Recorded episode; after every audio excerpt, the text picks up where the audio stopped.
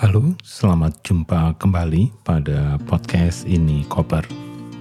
Inspirasi untuk komunitas perubahan.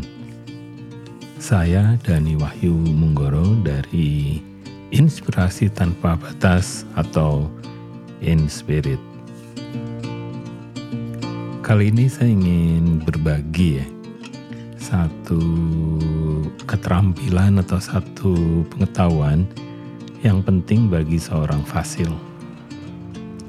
Seperti kita ketahui pada banyak fasilitasi, salah satu yang sering diminta adalah membantu apa yang sering disebut sebagai perencanaan strategis.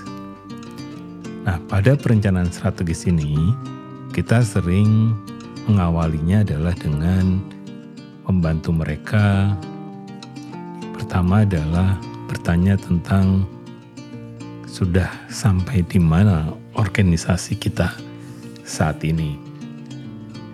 Karena itu Renstra sebenarnya membicarakan ke mana organisasi ini akan menuju atau apa tujuan berikutnya dari organisasi ini. Nah, di dalam proses perumusannya, salah satu yang paling penting sebenarnya adalah bagaimana organisasi mampu membaca ya, membaca situasi saat ini yaitu situasi politik, situasi ekonomi, situasi perkembangan teknologi, situasi perkembangan masyarakat dan sebagainya bagian dari cara untuk memastikan bahwa organisasi ini tetap relevan beberapa tahun ke depan. Karena itu, pada saat kita melihat situasi itu, maka yang akan dicari sebenarnya adalah apa sebenarnya masalah strategis yang harus dijawab. Dari begitu banyak masalah yang dihadapi oleh dunia ini. Nah, setelah menemukan masalah, selalu pada saat kita ingin merumuskan strategi, kita harus bisa menemukan dulu apa yang disebut sebagai akar penyebab masalah. Nah, akar penyebab masalah ini itu yang menjadi pertanyaannya adalah bagaimana menemukannya. Karena yang disebut akar masalah itu sesuatu yang tidak mudah dikenali. Nah, ciri dari akar masalah ini atau akar penyebab masalah ini itu ada paling tidak ini ada enam yang kita bisa lihat sebagai karakteristiknya. Yang pertama itu adalah sifat dari akar masalah itu fundamental. Karena itu pertanyaannya selalu mengapa masalah itu terjadi. Kalau sudah dijawab, maka pertanyaan berikutnya adalah mengapa hal itu juga terjadi. Sehingga selalu bertanya tentang mengapa, mengapa, mengapa. Ada yang menyebutkan tiga kali pertanyaan mengapa itu sudah cukup untuk menemukan yang disebut masalah itu yang fundamental tadi. Tapi ada yang tidak puas dengan tiga pertanyaan seperti itu. Bahkan ada yang sampai sembilan kali. Yaitu disebutnya ekstrim. Karena itu ciri dari akar masalah itu adalah apa penyebab fundamental atau penyebab dasar dari masalah yang kita ingin atasi. Nah, yang kedua, akar penyebab masalah ini selalu tersembunyi. Sifatnya itu tersembunyi, bahkan dia dikaburkan gitu. Dia sulit ditemukan karena campur baur dengan gejala-gejala yang lain. Bahkan juga kadang di apa diselimuti dari apa yang terlihat dari masalah-masalah yang kita hadapi saat ini. Seperti contohnya adalah kalau kita ingin menyebut bahwa apa sebenarnya masalah dari krisis iklim. Ini banyak penyebabnya. Apakah masalahnya adalah sifatnya struktural? Ataukah sifatnya ini apa mindset seperti bawah ya karena paling gampang menyebutnya ya karena kapitalisme gitu. Ya tapi apa penyebabnya? Ya kerakusan manusia. Ya kenapa orang tidak bisa dihentikan supaya tidak rakus? Toh sudah ada agama misalnya yang mengajarkan tentang kebajikan jadi di sini akar masalah itu bisa jadi tersembunyi. Itu yang harus kita cari. Yang ketiga, akar masalah itu multifaset gitu.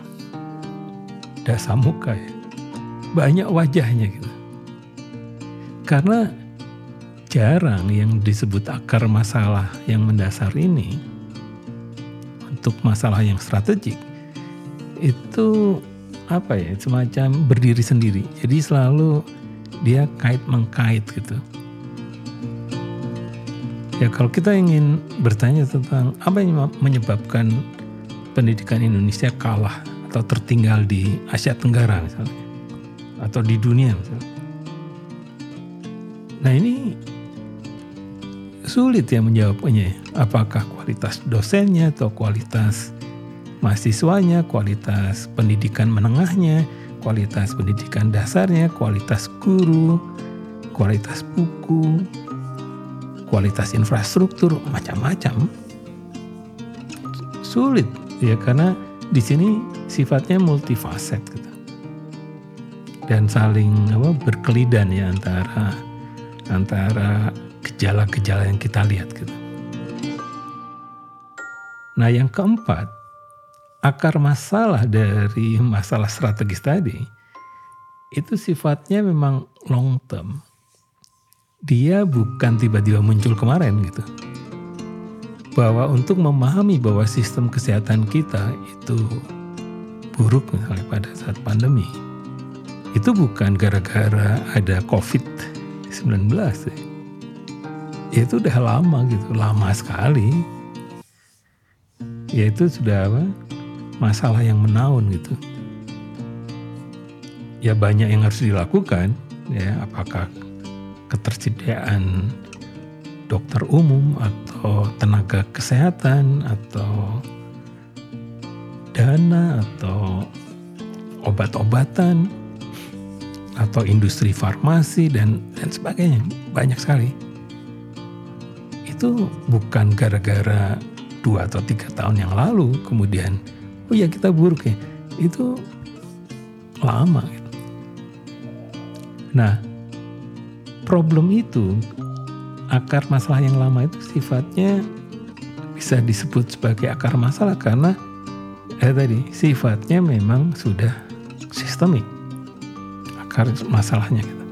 sifatnya itu sudah atau sifatnya struktural bukan pada orang per orang gitu bukan sekedar pada manajemennya gitu.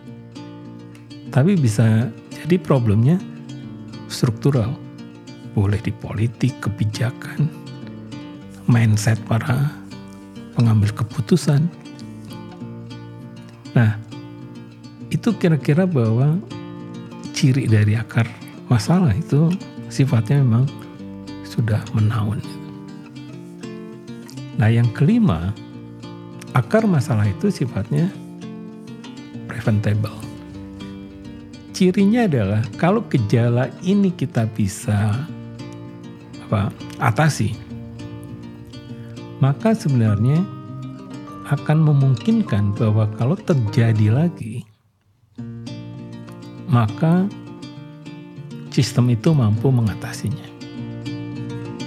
Jadi di sini juga ada trikinya ya bahwa yang disebut akar masalah adalah kalau ini diselesaikan, kalau terjadi lagi situasi seperti ini, sistem ini mampu menghadapinya. Atau orang menyebutkannya sebagai resiliensi. Ketangguhan menghadapi hal sama karena kita atasi hal itu. Nah, yang terakhir bahwa akar masalah itu memang sifatnya strategik. Artinya adalah bahwa kalau gejala ini atau akar masalah ini kita atasi, maka keseluruhan sistem itu itu berubah. Jadi ada dua dua cara melihatnya. Secara sistemik ya sistem yang ada sekarang itu berubah. Atau kita menciptakan sistem yang baru, mengubah sistem yang sekarang menjadi sistem yang baru. Maka bisa disebut bahwa akar apa? Akar masalah ini itu sifatnya strategik. Jadi di sini kita belajar bahwa kalau kita ditanya temukan akar masalahnya, paling tidak ciri yang pertama adalah dia sifatnya fundamental, kedua dia tersembunyi atau dikaburkan gitu. Sifatnya yang ketiga adalah multifaset. Yang keempat memang ini bersifat menaun ya sudah lama di apa diketahui dan juga di apa terjadi jadi waktu menggalinya memang dulu seperti ini dulu seperti ini nah yang kelima adalah bahwa dia mampu untuk mencegah pada saat diatasi maka kalau terjadi lagi hal itu akan bisa dicegah nah yang keenam sifatnya adalah strategik. Itu saja sharing dari podcast ini Koper kali ini. Kami di Nekoper percaya bahwa berbagi apa saja itu bisa membuat komunitas perubahan makin keren. Sampai jumpa pada edisi berikutnya.